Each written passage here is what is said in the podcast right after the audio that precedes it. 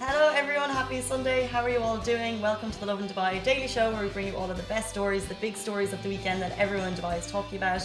How are you doing? How are you on your way back to work? Uh, where are you guys watching from? I always love to hear, so I'll check in the comments. Did you have a great weekend? Um, it's kind of hard to always keep up with this city. I know I've come back in and just I, they're even following social media oh, social media over the city. I mean, we had Dua Lipa who was playing at the point. I think thousands of people turned up for that, and we saw that she like exited. If you ever watch actually when stars come to Dubai, always like check on their Instagram because we saw her Insta storing the whole event. It sounded very cool, and then straight after her concert, she was back on a boat um, onto her next our next city, but that was really cool. There was a really, really kind of amazing crowd scenes from that. We also obviously had Dubai Design Week that finished off this weekend. Um, really cool down in D3. Lots of uh, lots of stuff on social media over that. Also, there was the block party in Abu Dhabi that saw Nadine Lustre come into town, and of course, Dubai Fitness Challenge ended. And whether you took part or whether you're just supporting checking out the dance classes, so much going on. And actually, that's going to be one of our stories today that we're going to talk about because obviously we saw all the fitness classes. There was a really big fitness challenge uh, at Kite Beach this weekend. So if you took part in any of these things, let me know.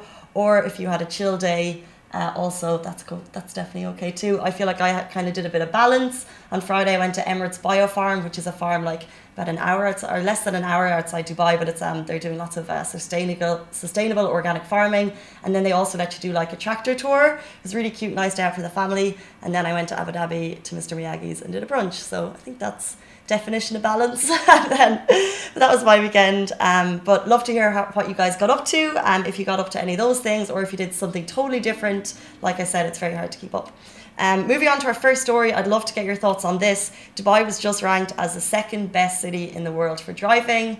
Um, this story went live on Thursday and it's been uh, shared by a lot of publishers because obviously people are proud of the ranking. Um, but then obviously we check the comments and people are kind of questioning whether or not they agree with the ranking because they are driving in the city. So I thought I'd kind of take you through it in a little bit more fine detail um, and get your thoughts on it. So this was made, it's the 2019 Driving Cities Index made by Mr. Auto.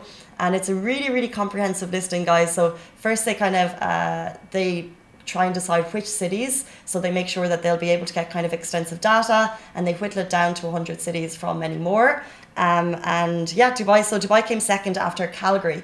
And how they kind of uh, divided up all the rankings, they have three categories. So it was infrastructure, safety, and cost. And then within those three categories, they've kind of like channeled down even more. So they looked at uh, is it a good location to drive? They looked at congestion, cars per, capita, air quality, road tax, um, and basically cost of driving on the road, road rage they even looked at. I'm not really sure how they figured out road rage, um, but uh, maybe it's like incidents of road rage reported.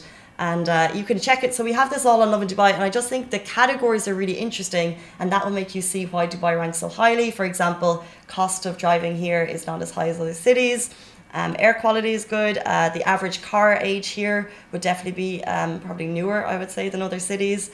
Of course, they also rated public transport, and obviously in Dubai we have fantastic public transport. Um, but love to get your thoughts on that. Let me just click on the live and see if anyone's watching with us this morning, where you're watching from, if you're back at work. We have a couple of comments coming through. Good morning, everyone. Good morning, Vahid. Always good to see you. Hi, Loran. That's my mum. Hi, mum. and good morning, Timur. Um, what are you saying? Can you say that? In... oh, it's good morning in Russian. Um, thank you.